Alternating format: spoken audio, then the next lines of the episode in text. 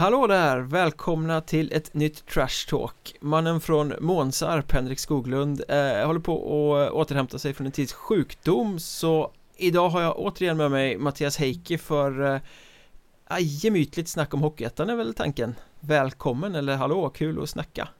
Tackar, tackar. Hur står det till så här någon vecka innan jul? Det är bra, som vanligt.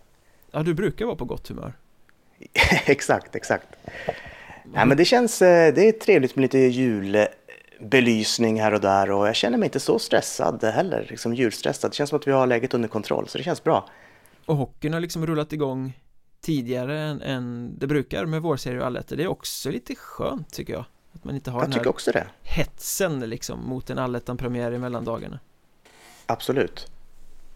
Visserligen så var det ju en liten lång väntan där från eh, grundseriens slut och eh, vårseriens start, men det var lite skönt också att få koppla bort hockeyn under ett par dagar.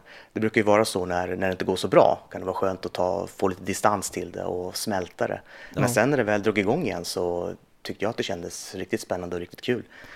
Ja, att du tycker att det är långt beror ju på vårserierna då förstås, det var, då var det två veckors uppehåll. För allettan gick ju undan, det var ju eh, drygt en, sen var de på igen. Exakt, det var lite drygt två veckors väntan för, för vår del när det gäller Kiruna IF då. Mm. Men en liten sak så här innan vi går på det eh, riktigt eh, mustiga. Vi har väl en del ämnen vi ska klara av här. Men jag såg på sociala medier här under morgonen att apropå jul då att Mörrum, den här eh, lilla laxklubben i södra vårserien säljer inför jul nu eh, personliga hockeyjulhälsningar för 200 spänn man kan gå in på någon sajt någonstans, välja vilken spelare i truppen man vill och så kan man beställa en julhälsning till någon man vill eh, uppmärksamma. Vad tycker du om sådana grejer? Spännande, spännande. Eh, nej, vad ska man tycka om det? Jag menar, prova.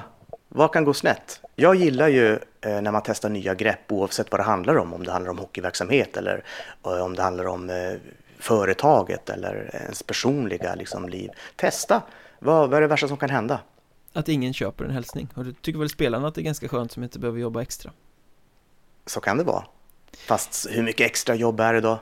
Nej. Och lobba fram mobilen och säga någonting och sen trycka på stopp och skicka iväg det. Det är väl bara kul? this is John Henryen. Merry Christmas! är det någonting vi ska börja med tror du Mjörnberg, du och jag? En poddhälsning ja. Jag, jag, sätter, ja. Upp, jag sätter upp ett, ett, ett uh, formulär direkt ta mitt nummer så swisha mig 50 spänn så kan jag säga någonting och så skickar jag iväg det, det är lugnt. Perfekt. Men det här blir ju liksom som en lokal take på, det finns ju rätt många sådana här eh, eh, tjänster där man kan beställa personliga hälsningar av kändisar och sådär. Eh, det är väl en växande bransch gissar jag? Ja, det är det nog. Och är det lite så är det inte så att det känns lite, det doftar lite desperation över det tycker jag du vet så här äh, halvkändisar som inte får uppträda på grund av coviden så nu ska de liksom börja skicka videohälsningar istället för att dra in degen. Det är min spontana tanke. Vad ja, känner du själv? Du, du menar att det är liksom så här lite C-kändisuppställningen som finns på de här äh, apparna? Jag har inte sett uppställningen men det känns bara så att men herregud, jag måste dra in pengar på något vis. Vad kan jag göra? Hur kan jag använda mitt kända ansikte på bästa sätt? Ah, telefoner, hälsningar. Mm. Ah, det testar vi. Ja det finns väl allt från Maria Montazami till Edvard Blom och sånt på de där Jag såg nu faktiskt när jag eh, för skojs skull kollade på morgonen att eh, en av storsäljarna på en av tjänsterna inför jul är Börje Salming Okej okay. Han är dessutom rabatterad med 10% till eh, fyndpriset 499,50 per hälsning Är det sant? Yep. Kostar det 500 spänn för att få hälsning av Salming? Jajamän Det är grymt Bra pris, bra jobbat Ja men då är det ju som hittat med 200 spänn för en hälsning från Mörrum tänker jag Ja, verkligen. Och fan 50 spänn och en hälsning om Mattias Heike, det är ju 10 procent av Salming, herregud. Det är ju eh, värt alltså. Det kan ju bli samlarobjekt dessutom. Verkligen. Eh, nej men jag, har, jag tycker som du, jag tycker det är en kul grej att de, de testar en sån där sak för att eh, ja men det blir ju lite som den här de, Många klubbar säljer ju sina spelare till eh, sponsorer till exempel Den här och den här killen nummer 50 presenteras av eh, Leifs svets och städ mm. Så hänger det i ishallen Det här är väl bara en förlängning egentligen att Det är väl bra att kunna använda sina spelare till mer representation och Dra in några kronor mer Tänker jag Alla, ja. precis som du säger, alla sätt är värda att testa Ja, sen är det väl kul också, kommer locka till en del skratt kan jag tänka mig Ja, Beror väl på hur roliga spelarna är i och för sig Vem skulle du vilja ha en hälsning av då? I Mörrum? Ja, eller om du får tänka lite bredare än så. Välj vilken eh, hockeyspelare som helst. Ja, om vi håller oss till Hockeyettan så hade det väl varit eh, fest. Jag tror att Adam Rashidi skulle kunna göra bra hälsningar alltså. Gamle Visbybacken som numera spelar mm. i Enköping. Just det. Fast då får han fan odla tillbaka skägget. Men om vi ändå eh, pratar pengar här då. Så nu på morgonen så gick SVT Norrbotten ut med en hel, ett helt knippe eh, artiklar som handlar om ditt kära Kiruna IF och resor och eh, kostnader och ordföranden i klubben var väl ute och pratade också om Ja men diskussionen om resebidrag har kommit upp igen Det är dyrt att spela i Kiruna IF i vårserien Nu ska man ner till Enköping i veckan för Vad sa hon? 160 papp? Eh, ja, dryga 100 000 för bara resan och sen så ska det ju ätas mat och sen så måste du bo på hotell så 160 ungefär för att spela en hockeymatch. Ehm, men det kan man tycka så att, ja men vadå, det visste ni väl innan säsongen? Ja men så är det ju såklart, det, det visste vi ju. Men lyfter man blicken lite grann så, Kiruna IF har ju även ett J18-lag som har många långa resor. Vi har ett J20-lag som har många långa resor. Då har vi även ett damlag som inte har lika många resor i division 2, men eh, långa dock. De ska ner till Luleå och de ska ner till Sundsvall och sådär. Så det är ju liksom mm. hela, hela den bilden gör ju att, att det kostar enormt mycket pengar att driva en hockeyförening. Eh, och speciellt om, det, om hockeyföreningen ligger i Kiruna så kostar det mycket pengar. Så eh, det, ja, det är intressant. Bra jobbat av SVT. Jag tyckte det var fina, eh, bra reportage där som de la ut. Men det är lite intressant att de här eh, oavsett vilken klubb det är, den här typen av gnäll kommer ju eh, alltid typ den här tiden på året och sen kommer vi till slutspelet och då börjar söderlagen som inte är vana att resa börjar de gnälla över att de ska behöva åka och spela playoff i Norrland och det är så dyrt. Eh, Varför förs inte den här diskussionen tydligare inför säsongerna och efter säsongerna? Eh, för jag menar det är ju samma visa varje år. Nu ska vi resa, nu är det dyrt. Det är ju ingen, det är inte raketforskning och det är inga nyheter som kommer fram egentligen jag vet inte hur mycket eller hur lite det har förts, eh, men jag kan tänka mig att eh, eh, klubbar som lider av det här varje år gärna har den här diskussionen ständigt. Mm. Men att det är väldigt låg prio för klubbar som inte har de här problemen till vardags. Och det är ju enorma skillnader på hur stort det här problemet är beroende på var i landet du befinner dig. Eh, och det är det jag lite tänker på det här för att eh, ett av de här reportagen var ju från Hockeyettans eh, håll då där man pratade om utjämningsbidrag och så vidare och jag mm. funderar på hur realistiskt det är. Ehm, det sades liksom att ja men ta upp det på i nästa nästa styrelsemöte. Årsmöte blir det. Årsmöte, årsmöte precis, så kan vi rösta om det. Och jag tänker så här att ja, blir det inte lite grann som två rävar och en kyckling som röstar på vad vi ska äta till middag. Det är klart att det blir eftersom klubbar har helt olika intressen. Yes. Och då tänker jag så här, hur är det med solidariteten då? Hur viktigt är det för en Hockeyettan-förening att eh, andra Hockeyettan-föreningar också ska kunna spela i Hockeyettan? Eller ser man mycket till sig själv? Uh...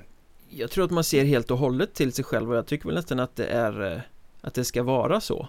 Jag menar, det är inte Nybros sak att göra det bästa för Kiruna IF och det är inte Kiruna AIFs sak att göra det bästa för KRIF eller hur man nu väljer att vrida på det. Det är väl därför man behöver en ligaorganisation som kan ta den frågan och ta det övergripandet. Jag tror vi har pratat om det förut att ja men skaffa en sponsor som pytsar in en miljon för ett resebidrag och sen delar ni ut det till klubbarna utefter hur långt de reser.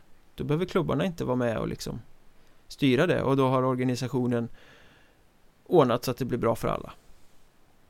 Exakt, jättebra. För det är ju inte i KRIFs intresse att eh, eh, hela Hockeysverige ska leva, utan det är KRIFs intresse att se till att ens egen verksamhet är så bra som möjligt. Ja. Eh, men däremot så borde det vara upp till Svenska Hockeyförbundet och Hockeyettan att se till att eh, så många hockeyföreningar som möjligt mår så bra som möjligt. Ja. Och att lägga över det där ansvaret på klubbarna och säga att det är en demokratisk fråga som ni får Det är liksom lite att frånsäga sig ansvaret kan jag tycka. Ja, det låter ju konstigt. Men att det är vårserier här nu då Som är över hela landet. Eh, Frågan när ekonomin kommer på bordet är ju om det är rimligt att även de här småklubbarna ska resa. För jag menar om om Kiruna reser för 160 000 till Enköping så innebär ju det att ja, men, Det kommer ju Enköping göra till Kiruna också Om man hårdrar det Ja, det är lika långt till Kiruna från Enköping som från eh, eh Kiruna till Enköping. Eh, jag förstår vad jag menar. Jag vet inte hur de kommer lösa det, om de kommer göra en favorit i repris från eh, ett par år tillbaka när de bussade upp, spelade och bussade ner. Jag vet inte hur man löser det, men det kommer ju kosta pengar såklart, absolut. Och vi kommer inte få det här kvittot för en säsongen är slut. Se hur ekonomin mår hos klubbarna. Eh, men med tanke på att publiksiffrorna har varit lite svikande så här i början också så kan det ju bli en smäll eh, Tänker jag, vi, vi, får väl se Men för de som inte vet så är ju att det är vårserier över hela landet nu istället för som vanligt att man spelar kvar i norra, västra, östra, södra är ju, Det är ju liksom en konsekvens av en sen ändring av serieupplägget um, Tanken från början var ju att eh, det skulle vara fyra lag från varje grundserie som gick till allettan och att vårserierna sen skulle vara kvar som de var. Men sen ville man kommersialisera det extra, man ville ha fler lag i allettan och då skulle man ta fem lag från varje grundserie. Och du, du kunde inte ha vårserie med fem lag i varje, det går inte att spela en serie på fem lag. Så då blev enda lösningen att slå ihop dem. Eh, så det är lite experiment kan man säga. Sportsligt så tycker jag det är jätte, jättebra Ja det är det ju Men frågan är om det är rimligt i en tredje liga med den ekonomin Eh, ja. Om man gör skillnad på sportsligt och ekonomi För det, det är ju jättespännande serier Det kommer man ju inte ifrån Verkligen. Och sen är det väl bra att det är fler matcher i allettan också än tidigare. Eh, så, så, så, att säsongen förlängs lite grann, så det gillar jag också. Men visst, det är ju kanske ett litet farligt experiment och speciellt att ha det experimentet nu med tanke på vikande publiksiffror som du är inne på. Men även att, eh, jag menar hur mår sponsorerna i dessa tider? Mm. Nej, kan, det... kan de skjuta till lika mycket pengar som de gör eh, eller som de gjorde innan covid kom? Nej, det blir spännande att se vart det landar. Eh, men jag tror att den här resebidragsgrejen måste man fortsätta fila på och få på plats om det här ska funka över tid. Fast jag tänker så här, domaravgifter. Det tror skulle, jag också. Inte det, skulle inte det vara ett mer rättvist sätt att eh, hjälpa klubbarna? Ja, det ena behöver inte utesluta det andra. Nej, men där skulle också bli eh, en effekt som skulle utgöra någon slags rättvisa där man då tar udden utav de här avstånden. För att rimligtvis är det väl så att de klubbarna som har det tuffast med resorna har ju även de dyraste domarkostnaderna. Ja, upp till Kiruna måste det väl flygas domare från Stockholm? Så Exakt, och så måste de Exakt, så måste de övernatta och så. Så det skulle vara ett sätt för alla hockeylag att Eh, tjäna på att om det skulle vara så att man från förbundets sida står för de här kostnaderna så skulle alla vinna på det. Mm. Alla klubbar skulle bli av med kostnader och de som har det tuffast ekonomiskt när det kommer till ersättningar skulle få det eh, ännu, eh, ja, ännu, ännu, skulle vara ännu, ännu större hjälp. Mm. Men hur funkar det i SHL och Hockeyallsvenskan? Där tar ligaorganisationerna domarkostnaderna va? Jag vet inte. Jag tror det är så, jag ska inte svära på det men Det är ju en rimlig lösning att den typen av kostnader ligger på ligan. Ja, absolut. Men tittar vi lite sportsligt då? Det har ju ändå dragit igång. Det har spelats några omgångar. Eh, Har du några intryck av de första omgångarna där norröver? Ja, det jag sett jag har sett Kirunas matcher och såklart Kiruna IFs matcher. Eh, och det har ju varit eh, trevligt. Två segrar på två matcher. Tycker du det är trevligt när ni har vunnit? Ja, det tycker det är trevligt. trevligt. Fem poäng av sex borta mot Vännäs och Teg. Teg, vi, det är väl de tre lagen som har snackats om i, på förhand ska tillhöra toppen. Det är Kiruna IF, Teg och vad sa vi, Lindlöven va? Ja, precis. Du och jag vill ju hissa Teg där till en seriefavorit. Nej, jag, eller, vad, jag, eller vad säger jag? Vännäs? Vännäs? Ja, en ville vi, ville vi skriva upp. Ja, precis. Ehm, så att ta två poäng i Umeå är ju jättebra. Ja, det verkar ha varit helt olika karaktär på den där matchen också. Men det var 2-0 och tight i, i, mot Vännäs och sen målkalas mot Teg. Fast det kanske ligger lite i Tegs natur också att det är pang-pang åt alla håll. Ja, eh, fick inte in pucken mot eh, Vännäs. Eh, två bra målvakter i den matchen. Vännäs skapade också en hel del. Ludvig Kristoffersson var, ja, han var grym, verkligen. Mm. Eh, och Filip Eriksson som stod mot Teg var jättebra mot Teg också. Teg är farliga, de är bra liksom framåt. Eh, verkligen. Men det var, eh, speciellt Teg-matchen var rolig att se, svängig. Mm. Tyvärr kunde vi inte hålla undan och ta tre poäng. Vi tappade en ledning igen då, så det var ju synd. Men ja, viktigt att vinna. Viktigt att få en bra start på serien. Fem av sex på en bortaturné måste ju betraktas som klart godkänt. Ja, verkligen, verkligen. Och speciellt mot en toppkonkurrent också. Men de övriga norrlagen hade det lite jobbigt. Eh, Örnsköldsvik blev eh, slaktade i Stockholm i två matcher mot Wings och Vallentuna och Sundsvall tappade väl också fullständigt någon ledning till eh, förlust. Mm. Så det känns som att nu ska vi vara väldigt försiktiga med att dra några som helst växlar av bara några omgångar men så här långt så leder Stockholm över Norrland vad gäller vår seriematcher. Ja, som sagt, vi ska vänta några, några omgångar till för att, för att, innan vi drar med den tjocka tuschpennan. Nej, gula överstrykningspennan kan man säga. Exakt. Men det är ju alltid jättekul när lag från de olika serierna möts äntligen. Ja. Men hur länge ska man vänta innan man eh, kan börja se, liksom snacka om någon form av tendens? Halva serien? Ja, men alla har mött eh, varandra en gång så absolut. För det kan ju vara så eh. med de här helguppläggen när man spelar matcher lördag söndag att det påverkar kvaliteten i någon av matcherna. Så att det är svårt att liksom mäta styrkeförhållanden där. Om någon har haft en jättedrabbning på lördagen och de andra hade en enklare match mot något lättare motstånd så kan ju det påverka söndagsmatchen så att säga. Så kan det vara, speciellt om du inte är van att spela två dagar i rad.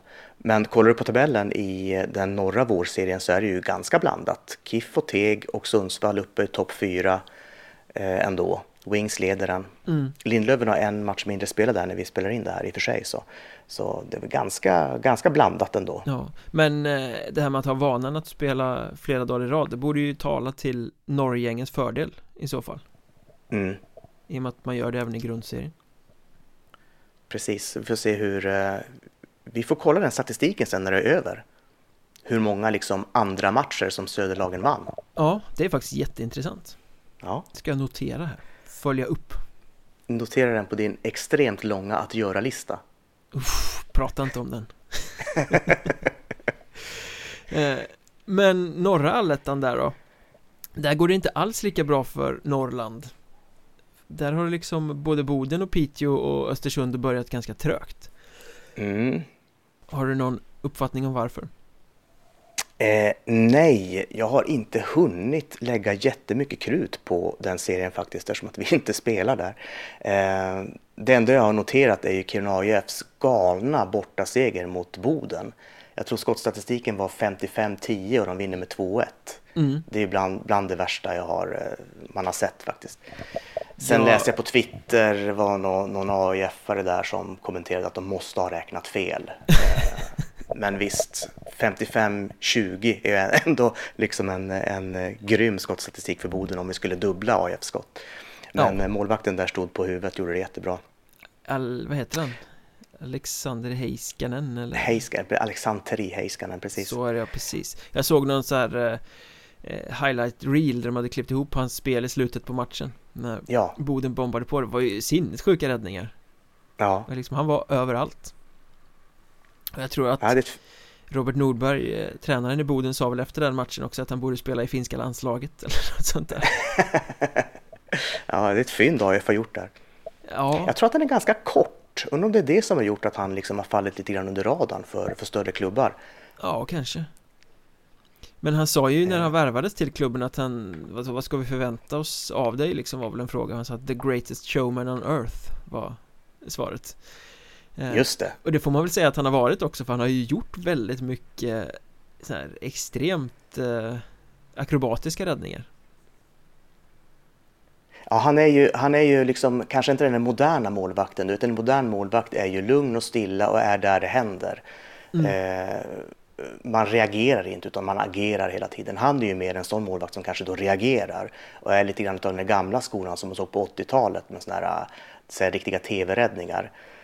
Där man, där man liksom gör de här stora rörelserna som ser spektakulära ut. Ja, just det. Så Eh, visst, showman, det, det, har ju visat sig stämma som du säger. Men det borde ju också innebära att han kan vara, som mot Boden då, omutlig ena dagen och sen ganska medioker andra dagen. Om man inte får stäm i det liksom. Säkert, så kan det säkert vara. Och eh, rent generellt så eh, går det ju inte i längden att förlita sig på en målvakt så pass mycket då, som han verkar ha gjort i den matchen. Nej. Men där har ju Kiruna AIF det ganska väl förspänt för där har de ju Alexander Nilsson också Som yes. kommit in från Kalmar och varit kanske lite mer den här stabila varianten eh, av målvakt Lite mindre yvig och som också har spelat bra under säsongen Så det känns som att båda Kiruna-gängen har ju bra ställt på målvaktssidan Så är det. Jag gick faktiskt in och kollade nu eh, hur lång han är. Han är 1,76 lång. Det är som jag då. Eh, Kallar du mig ja. kort? jag är 1,74 själv. Så. Dvärg. Nej, så, så, får man inte säga. Kortväxt heter det. Kortväxt. Eh, men det, det, faktum är att han är den längsta målvakten i Kiruna för att Alexander Nilsson är 174 cm och eh, Viktor Pessemä som är uppställd här också är 175 cm. Det måste så vara det är ingen, eh, ovanligt att ha tre målvakter i den vikt eller längdklassen. Ja, under 1,80. Mm, intressant. Ja, intressant.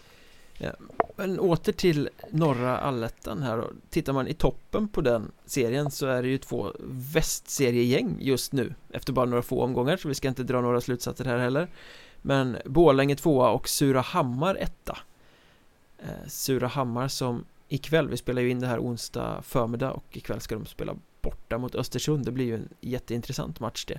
Verkligen. Men Surahammar loserlagens loserlag som liksom har jumboplacering efter jumboplacering år efter år och tvingas till negativt kval jätteofta. Plötsligt tar sig till allettan. Plötsligt besegrar två seriesegrare från grundserien i sina första matcher. Både Hudiksvall borta och Boden hemma och leder serien det är ju en Åshöjden-saga det här plötsligt händer det. Det kan man Börjar säga. tänka på när du la upp det så. Eller äntligen om man hade varit Gert Fylking. ja. ja, men vad roligt. Det är jättekul. Och det är ju det här det handlar om. Det är ju det här som är idrott. Ja. Eh, sagorna, det är det man vill åt. Eh, så det är jättekul. Eh, för det känns som att idrottsvärlden i stort går åt en motsatt riktning. Där det blir svårare och svårare för de mindre klubbarna att eh, göra sådana här saker. Jag tror mm. jag var inne på det senast vi snackades vid om det här med att det blir så storstadskoncentrerat allting. Ja, att de mindre städerna får det tuffare och tuffare att hävda sig när det kommer till nästan all idrott. Um, och uh, därför är det så uppfriskande när sånt här händer. Jag tycker att det är lite samma sak med Oskarshamn i SHL just nu. Att bryr mig inte det minsta om Oskarshamn men jag blir ändå lite glad av att de ligger på den övre delen av tabellen. För att det är så det inte ska vara enligt alla regler och etablissemang och så vidare. Det ska vara de stora, starka, rika klubbarna som ligger i topp. Inte de här underdogsen som är med på nåder liksom.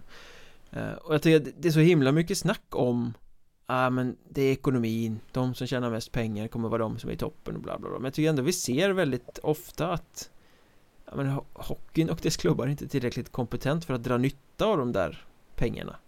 Mm. på något sätt.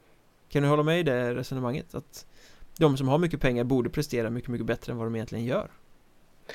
Ja, och ser du till andra ligor, ser till Premier League till exempel eller till de stora europeiska fotbollsligorna så är det ju så i nio fall av tio Ibland så dyker ett Leicester upp och överraskar som inte har samma resurser, även om de också har enorma resurser med en rik thailändsk ägare. Mm. Um, men det är det som är så uppfriskande för de här stora ligorna i fotbolls-Europa blir mer och mer förutsägbara känns det som.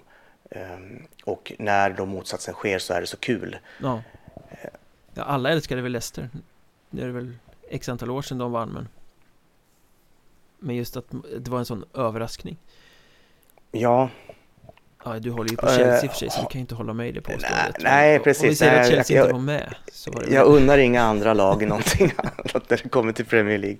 Men eh, eh Nej, men sen om de har smartness och intelligens och utnyttjar pengarna, det vet jag inte. Jag tror att, att grejen är den att i just Premier League så är skillnaderna så enormt stora mellan eh, City, United, Chelsea och de här som verkligen har pengar och de som inte har pengar.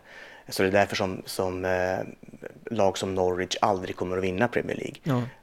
Men då är det tjusningen med Hockeyettan då, att ett lag som Surahammar kan toppa en alletta plötsligt. Ja, men om du riktar ehm. spotlighten mot svensk hockey i största allmänhet HV71 ekonomiskt och förutsättningsmässigt liksom ska inte kunna åka ur. Men de gjorde, nyttjade inte sina resurser på rätt sätt. De åkte ur. Vi tittar på Allsvenskan, vi kan ta Södertälje som exempel. De har ju liksom förutsättningar och resurser för att vara ett topplag varje år i Hockeyallsvenskan Men ligger i stort sett varje år och, liksom sladdar på tabellens nedre halva Riskerar att hamna i botten, var nere i Hockeyettan för några säsonger sedan mm. eh, Pengar är inte en garant för att det ska gå bra om du inte kan liksom sköta verksamheten på, på rätt sätt Absolut, absolut. Och sen mycket det här med psykologi. Jag kan bara tänka mig hur eh, tankarna måste ha gått hos HV-spelarna under förra säsongen när man är på väg att åka ur och hur otroligt tufft och svårt det måste vara att vända på skutan när det väl har börjat segla åt fel håll. Mm. Eh, men också bara ett tecken på att det är, det är bara människor som är ute på isen och det är bara människor i de här eh, bland de här beslutsfattarna som värvar de här spelarna och som styr de här klubbarna. Um... Och den där kan man ju vända på om du tittar på Surahammar just här då Jag kollade på matchen mot Boden nu senast Boden var liksom ett bättre organiserat lag egentligen. De var ett tyngre lag Lite mer pondus, gick upp till 2-0 eh, Borde ju ha kunnat stänga igen den där matchen För att de gubbe för gubbe är ett bättre lag. Men Surahammar spelade liksom De har inga tyngder på axlarna överhuvudtaget. De har ju redan vunnit allt de kan vinna den här säsongen som är i allettan. Det var mm. liksom en sån här spelglädje och någon sorts självklarhet i, i spelet. Ja men vi ligger under med 2-3 i slutet på matchen men vi kommer kvittera. Det, det bara kändes liksom, det var en sån aura runt hela laget. De visste att det kommer en 3-3 puck här. Och det gjorde det ju mycket väl också. Eh, När psykologin är sån att liksom bara, nej men vi kan inte förlora. Spelarna spelar som på ett rus. Ja men lite så. Ja. Eh, Och sen har vi ju eh, gamle Kiruna-forwarden där eh, William Otter avgjorde i straffläggning mm. Det var bröderna Otters show där för David Otter som ju är gammal keeper i Boden också då eh, Klev ju upp med ett antal riktigt bra räddningar Så det var liksom mm. bröderna ledde laget till seger för... Även, eh, även målvakten har ju spelat i Kiruna IF Han spelade, båda bröderna gick ju till Kiruna eh, samtidigt och sen efter en säsong så gick David vidare till Boden och eh, William stannade en säsong till då. Mm. Stor tank kan man kalla honom. KIF-effekten i Surahammar, kan jag få den rubriken? Det kan du få. Nej, jag kan inte det va? de ska ha mer cred än så. Vad, vad var ditt intryck av bröderna då, när de var i, i Kiruna? Um, uh, David Otter, stabil målvakt. Mm. Uh, William lång, gänglig, bra skott. Mm. Gjorde en hel del poäng i Kiruna IF. Ganska olika som personer. Okay. Eh, snack, jag snackade med dem eh, två, tre gånger var kanske eftersom att jag bevakar laget och skriver artiklar och så. Jag försöker få med så många spelare jag kan under en säsong. Mm. Eh, så fast de är liksom bröder och så, så var de väldigt olika som personer. Det var lite spännande. På vilket sätt? William kanske, ja, men William kanske lite mer tillbakadragen, lite mer blygsam så här. David lite mer utåtriktad så här. Så ja, det var, det var det tänker man ja, att det ska vara lite, tvärtom. lite förvånande. I, i och med att målvakter brukar vara de introverta, lite udda personerna. Nej, det var inte så riktigt. Fast det där kanske är en klyscha, man säger att målvakter är märkliga. Jag känner att många målvakter som är ganska öppna och sociala. Det är så lätt att sådana där klyschor fastnar, liksom att målvakter, ja men de är, de är speciella. Och när man pratar om musik så är ju trummisen är ju den där udda figuren. Det är inget Alla trummisar fel på är konstiga. Ja men det är, snack, det är så snacket går, eller hur? Basisten, det, var den där, det, är den, det är den sämsta i bandet. Det finns ju det klassiska skämtet att åh oh, gud, jag låste in bilnyckeln i bilen. Alltså det tog mig 20 minuter att få ut trummisen därifrån.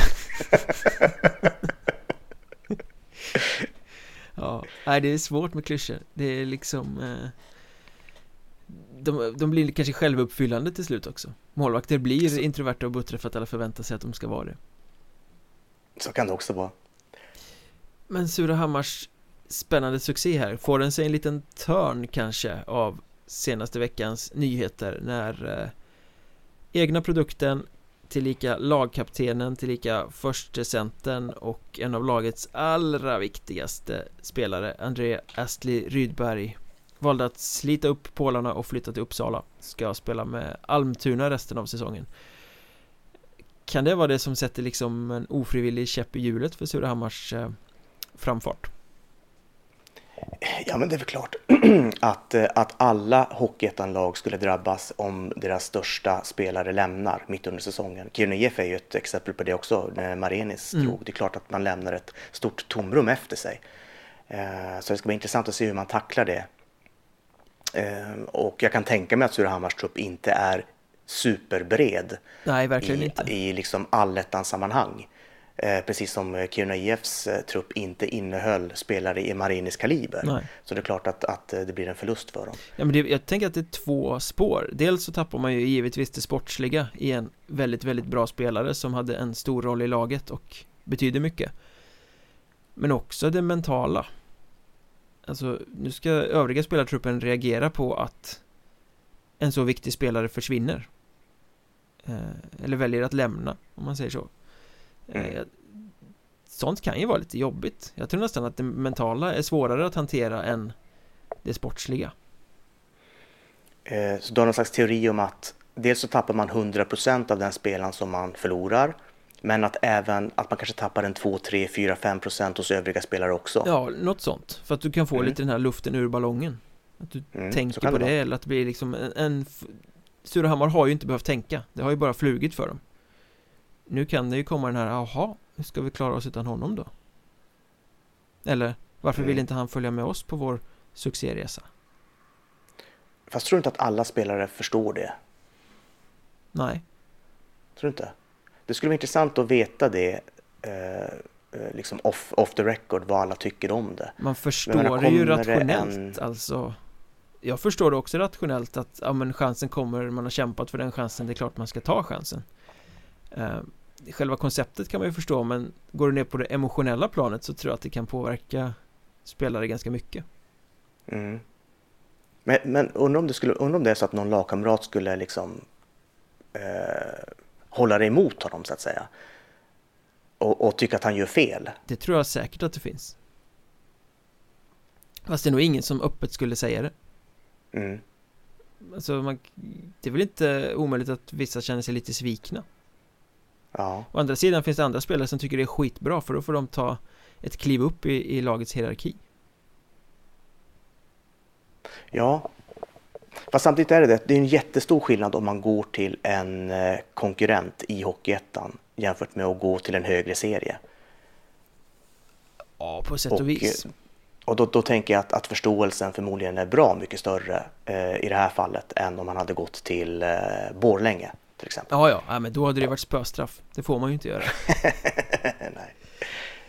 Nej, men vad tycker du egentligen om, om hela den här grejen egentligen? Att det har ju varit extremt mycket så nu senaste veckorna. Hockeyallsvenska lag lånar av eh, Hockeyettan-klubbar som lånar ut sina bästa spelare trots att de själva har match. Och det är spelare som Marienes i Kiruna, Asle Rydberg i Surahammar som väljer att lämna för att gå till Hockeyallsvenskan istället mitt i säsong fast klubbarna är liksom ute på en spännande resa själva Surahammar gör sin största succé på jättelänge Kiruna var nästan på väg mot allettan eh, liksom, Vad tycker du om hela den här transfercirkusen som det är numera?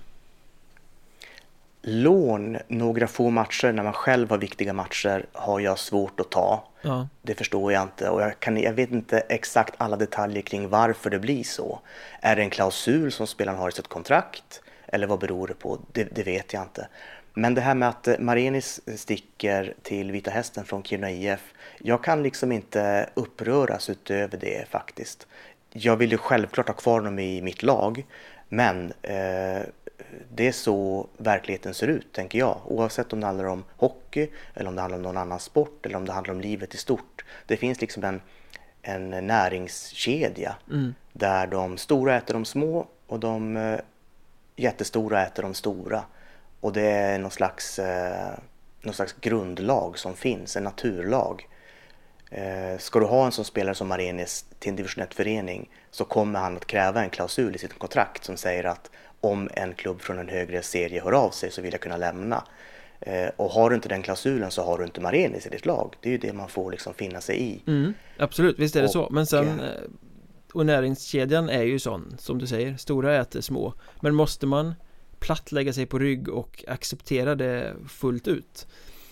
Jag kan känna, eller jag kan störa mig väldigt mycket på klubbledare som står och säger att nej men det är en fjäder i hatten för vår verksamhet att den här spelaren får fortsätta till Hockeyallsvenskan. Det visar att vi gör något bra här. Ja, den här spelaren kom till er inför säsongen. Han har spelat tre månader i er verksamhet och nu drar han vidare. Det är säkert jättemycket er förtjänst att han hamnar där. Inte. Eh, Och sen så fortsätter de med Ja, vi måste ju släppa spelarna för Det gör ju att vi kan få spelare hit sen. Eh, Ja, absolut, det kan det göra men för, vad kommer de med för avsikter då? Då kommer de ju till ditt lag för att ta sig vidare och kommer dra så fort de får chansen. Är det den typen av spelare du vill ha? Eh, så jag tycker att klubbledare oftast drar sig med de här klyschorna Liksom accepterar läget för lätt. Sätter sig i någon jag... roll som farmaklubb bara liksom. Min syn på det är så här att när den här spelaren då väl lämnar så då väljer du vad du säger till din hemsida och vad du säger ut i media. Och då säger du det. Du lyfter fram de positiva sakerna som ju visserligen är sanna det är bra för en Hockeyettan-klubb att skicka spelare till Allsvenskan. Det är, det, ofta så är det ett kvitto på att man gör någonting bra. Ehm, det är ju faktiskt sant. Så jag förstår ju om en ledare, en sportchef eller en ordförande eller vad det är, eller en tränare väljer att lyfta fram det. Mm. Istället för att säga då att ah, det är ju för jävligt att eh, folk inte vill stanna här till varje pris. liksom. Eh, för alla spelare i grund och botten vill väl spela så högt upp det bara går. Ja, så är det eh, Och eh, det går inte att klandra spelare för det heller. Nej, det, nej, liksom det går inte att klandra spelare natur. egentligen. Men eh, systemet, alltså Hockeyettan-klubbarna accepterar systemet så som det är programmerat lite för lättvindigt. Kan jag tycka. Det hade varit, och hockeyallsvenska klubbarna utnyttjar ju det till fullo. De vet ju att de kan när som helst när de vill gå och peka i Hockeyettan när de kommer få som de vill i stort sett. Eh, Så att maktbalansen är ju ganska tydlig där Ja, fast jag tror att maktbalansen den är ju väldigt stor också om du jämför med Hockeyallsvenska klubbar och de allra flesta Hockeyettan-klubbarna. Det finns några stora Hockeyettan-klubbar som aspirerar på att gå upp och som skulle kunna hävda sig hyfsat eh, i, i en Hockeyallsvenska. Men de allra flesta Hockeyettan-klubbarna skulle inte eh, kunna göra det och de har ju inte de musklerna. Nej, vi har ju kanske tio lag som aspirerar på att gå upp och fem som skulle kunna klara av att gå upp. Om man ska vara krass. Ja, eh, det är ju det är en sån enorm skillnad liksom mellan serierna. Och det gör ju att det också spär på den här känslan av att eh, ja, men vad ska vi göra då? Om Södertälje ringer, vad ska vi göra? Liksom. Det, det, det, är klart att vi måste få släppa spelaren. Det går inte att övertala honom att vara kvar eh, i Hockeyettan. Nej, men här, här, pratar vi ju om övergångar. Alltså när spelare värvas, köps ut från mm. kontraktet eller så. Vi har ju också den här lånebiten som kommer in här när till och med klubbar med ambitioner börjar låna ut kortsiktigt två, tre matcher liksom. Tranås De säger fortfarande att de vill till kvalserien. De lånar ut spelare till Almtuna De lånar ut spelare till Södertälje För att de ska spela en, två matcher. Mm. eh, Vi har sett flera andra klubbar göra likadant. Och HC Dalen nu då spelar viktiga matcher i Allettan Södra Men de lånar ut Jesper Törnberg till HV i alla fall. Jag gillar inte det. Ja, det, den är svårare att ta, absolut utan att veta alla detaljer kring de här lånen och varför man väljer att göra det som jag var inne på. Är man tvingade eh, eller vad, vad beror det på? Får man en hög ersättning för det så att eh, det är värt det? Det vet jag inte heller. Det har jag svårt att se. Mm. För det är ju inte de rika klubbarna som lånar mest heller. Nej, eller riskerar man att göra spelaren förbannad om man inte släpper honom så att man förstör honom för resten av säsongen? Ett av mina favoritcitat från José Mourinho är ju att eh, det krävs ju bara en rutten apelsin för att hela fruktkorgen ska börja mögla. eh, och är det det det handlar om? Att eh, ja, men då har du en, su en sur stjärna i laget resten av säsongen då? Ja. Och att det priset att betala är högre än att släppa honom i två matcher. Men då är vi ju riktigt farligt ute om spelare ska liksom diktera villkor fullständigt så. Du spelar för oss men eh, vi ska släppa dig så fort någon annan vill ha dig. Mm ja, det är inte lätt. Det är inte lätt att styra Hockeyettan-föreningar, det, det, vet vi vid det här laget. Hockeyn överhuvudtaget har hamnat i en lite farlig spiral, tror jag. Med just den här lånecirkusen som bara blir värre och värre eh, Det är liksom en sak att låna ut spelare, ja, men som när Hockeyallsvenskan lånar ut till Hockeyettan eller Hockeyettan lånar ut till Hockeytvåan eller SHL lånar ut till Hockeyallsvenskan när det är spelare en bit ner i hierarkin som mm. behöver speltid då är det ju win-win på något sätt men när det blir på andra hållet att Hockeyallsvenskan ska låna spetsspelarna från Hockeyettan för att glida lite i en fjärde lina i några matcher det blir fel mm. Men jag vet inte vad man ska göra eh, åt det, det är... Nej, jag, jag, jag, förstår det. En, en tanke som jag har kring det här är att om man nu går till sig själv som är engagerad i en Hockeyettan-förening. Eh, eh, jag tror att man gläds så åt de spelarna som får chansen. Eh, kalla det för att det inte är lika professionellt eller kalla det för vad du vill. Men jag tror att man, man... Ja, fast jag tror man blir glad för spelarnas skull. Jag menar, säg att vi skulle fostra en allsvensk spelare i Kiruna IF som till nästa säsong får chansen i Hockeyallsvenskan. Jag skulle, jag skulle bli jätteglad över det. Det skulle vara tråkigt att trappa en bra spelare från sitt eget lag, men man skulle glädjas så åt uh, grabben som får chansen. Mm. Ja, men det är ju två uh, sidor. Och jag, uh, Ja, precis. Jag, jag är där. Jag, jag kan förstå eh, och jag kan eh, sympatisera med den här lagledaren då, som du tog upp som exempel som säger att det här är ett kvitto på att vi gör bra saker och så här. Mm. Och jag, jag är mer på den sidan att jag skulle bli jätteglad om en sån som Simon Tyni skulle få en allsvensk chans till exempel eller Rasmus Simmele som eh, förmodligen kommer få det i framtiden. Han har varit jätteduktig den här säsongen till exempel. Mm. Jag skulle bli superglad. Sen får man ju ersätta de spelarna så gott man kan då, men, men eh, jag skulle inte jag skulle inte sura över det. Nej, men det, det är också lite problemet som finns att vi säger att det är så här det funkar och, och det finns för och nackdelar med det Samtidigt så försöker man bygga Hockeyettan som någon sorts seriös eh, produkt Någonting som går att kommersialisera och sälja mm. rättigheter till och liksom Någonting att ta på allvar mm. Det är ju svårt att göra när toppspelarna försvinner i parti och minut till en annan liga mm. Så att det, eh, det är ju väldigt komplext Ja det är det, det är det Vi tycker inte lika men vi får nog eh, nöja oss med det helt enkelt Ja, men vi tycker nog ganska lika ändå, det tror jag. Men vi har eh, lite olika infallsvinklar Sammanfattningsvis, vi älskar lån och tycker att alla övergångar är okej. Okay. Precis, och klubbtillhörigheter borde inte finnas. Alla borde spela i alla lag samtidigt. Ja, men det tycker jag. Klubbhjärta är överskattat. Lagen. Det är överskattat. Ja. En annan sak som kan vara rätt svår, som jag vet att du har haft ögonen på, det är att det kan vara svårt att ratta en buss. Ja, apropå det här med resor i allettan och så, eh, och apropå Surahammar just, Piteå skulle ta sig ner till Surahammar och spela match, fick då åka en lång bussresa från södra Norrbotten neråt och eh, enligt NSD så styrde de fel, hamnade på någon lite mindre väg och eh, det har snöat här nere och det är halt som bara den. Så man var med om en mindre bussolycka. Man sladdade ur, ur, eh, ur, ur, vägbanan och som tur var så var det ingen som skadades. Ingen var ens i närheten att skadas. Det var inte någon större dramatik när det gäller det. Men eh, de hamnade på vägen. Så var någon spelare som kommenterade i tidningen att det är ju trist att man har suttit i den här bussen i 12 timmar och man ändå inte kommer fram. Eh, men så, så blev det. Så... Och läste man lite längre ner i artikeln så var det så att eh, bussen var på väg till Surahammar för att lämna eh, spelardräkterna.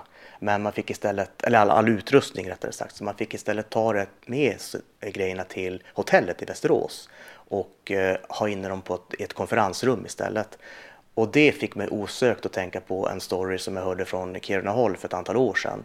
Där man var med om någonting liknande, ingen bussolycka och så, absolut inte så, men man var tvungen att eh, ta med sig grejerna in på ett hotell och man använde ett eh, mindre rum att förvara hockeytrunkarna i. Mm. Och och eh, man stängde till och man låste såklart för det är ju dyrt med hockeyutrustning och vad jag förstår så var det här det var ett konferensrum eller vad det var för typ av rum. Men det var litet och ventilationen in till det här rummet var inte den bästa så att säga. Det var ganska instängt där inne. Så dörren var stängd hela natten och sen på morgonen när eh, Kiruna-grabbarna skulle åka vidare i spelarbussen då så ska man ju såklart ha med sig utrustningen ut ur rummet. Och det har den ju legat och gottat till sig under hela natten. Mm. Och som vi alla vet så luktar ju inte hockeyspelare hallonkräm Nej, direkt. Det... När man har det, det, slitit. Det finns att anmärka på där i, i, i doftväg faktiskt. De, de luktar boxplay, eller vad ska, man, vad ska man kalla det? Om man är snäll. De var tre mot fem i alla fall. Ja, precis. Så när den här eh, tjejen i receptionen öppnade den här dörren för att materialförvaltaren skulle få ta ut sina trunkar så kom det ut en sån jäkla odör så att hon spydde på plats. Alltså. Hon kräktes rakt ut. Eh, så jag hoppas att den här eh, personalen i receptionen i Västerås inte var med om samma sak när de skulle öppna upp Piteå-spelarnas eh, trunkar från det här konferensrummet. De har våra sympatier på det här Västeråshotellet i så fall. Verkligen, vi håller tummarna att det gick bra. Och kanske var det bussolyckan som gjorde att det inte gick så bra för Piteå i Surahammar sen då. De fick väl spö med 3-1. Och fick sen stryk även i sin andra match. De hade en svår helg. Ja. Eh, det är kul att det är, att det är liksom oförutsägbart. Väldigt. Och att, att alla verkar slå alla. En annan spaning som jag gjorde apropå Surahammar och norrlag i, i eh, södern i helgen var Jag kollade ju som sagt på Boden-matchen där när Boden var och spelade mot Surahammar och Noterade att Bodenspelarna har olika färger på siffrorna på sina bortatröjor. Vissa åker omkring med tjusigt rött, andra har någon sorts stickig orange eh, färg. Framförallt nya spelare då som Oskar Maturskin och Robin Höglund och några till hade den här orangea fula Så att jag frågade på Twitter om det var, hur kan det komma sig att Boden har olika färger på sina siffror? Och då orange som mer ser ut som Karlskrona-färg än något annat. Eh, och det skämtades ju friskt om att de har olika avtal till höger och vänster. Men eh, så kröp det fram att de har då, om jag har förstått saken rätt, så har de gjort en nybeställning av tröjor och det har blivit fel. De har fått fel färg Där ser man Så det var väl tur att det inte var om, loggan eh, som blev orange i alla fall, det hade ju varit lite pinsamt. Ja, det sånt är ju mer känsligt då såklart. Ja, men vi hoppas att det där kan lösa sig i Boden. Som om Boden inte har nog mycket att tänka på den här säsongen så att säga. Nej, och det blir kanske svårt att köpa nya tröjor nu när de fick eh, miljonskadeståndet i den här skiljedomen som väl avgjordes häromdagen. Just det, det kom ut färskt igår. Så var det. Jag har inte sett någon siffra tror... men de... Eh, Nej, men informationen är ganska knapphändig än så länge. Ja. Som... Men det jag läste runt miljonen plus rättegångskostnader. Så att det blir två miljoner ungefär. Men sen om det stämmer eller om det är bekräftat, det vet jag inte. Ja, och sen ska det väl överklagas så det ska väl tas olika runder och räknas av till höger och vänster. Sista ordet är nog inte sagt, men vi kan väl konstatera att Boden får nog fortsätta spela med orangea siffror på vissa spelare. Ja, Kiruna IF fick ju dispens eh, att köra med de här eh, horribelt fula tröjorna var det många som tyckte första året under regnbågsprojektet. Jag har faktiskt en sån hängande så... i garderoben här hemma. Ja, jag också faktiskt. Jag använder den aldrig. Eh, det, det kanske inte är eh, liksom eh, utekvällsmaterial. Nu är det fest älskling, nu tar vi fram regnbågströjan. ja. Jag personligen tycker att den är skitsnygg, men man, det krävdes ju en dispens för att få spela i den, för att hockeytröjor ska ju se ut på ett speciellt ja. sätt. Eh, den var ju alldeles för blandad i färgerna då, men så att eh, om Kiruna IF får spela en sån tröja en säsong så borde ju Bodens siffror kunna vara okej. Okay. Ja, det är nog mer att det gör ont i ögonen på de som tittar på. Men som du säger, tänk om loggan skulle ha kommit i en helt annan färg. Ja, då måste de ju ha skickat tillbaks dem i så fall. Spela med träningströjorna. Det blir som med de här eh, Bathory-geten och de gamla skivomslag som har blivit feltryck som blir superrariteter. Just det. Men kul att snacka med dig idag. Jag tror vi har börjat eh, komma till eh, slutet. Följ oss i sociala medier. Att Mjornberg podd heter poddens Twitterkonto på Twitter helt enkelt. Eh, men vi är inte riktigt klara, vi ska dra vidare till Patreon också och snacka lite om publiksiffrorna inledningsvis i Hockeyettan och vaccinationspassen för det är ju lite bedrövlig läsning faktiskt. Vad beror den svikande publiken på? Är det bara vaccinationspassen? Ja, vi får väl se vad vi kommer fram till. Stöder man podden med några riksdaler i månaden så får man även bonusmaterialet. Och ni hittar det på Patreon.com och så söker ni efter Mjölnbergs Trash Talk. Men Mattias Heikki, tack för den här gången. Tack, tack. Vi hörs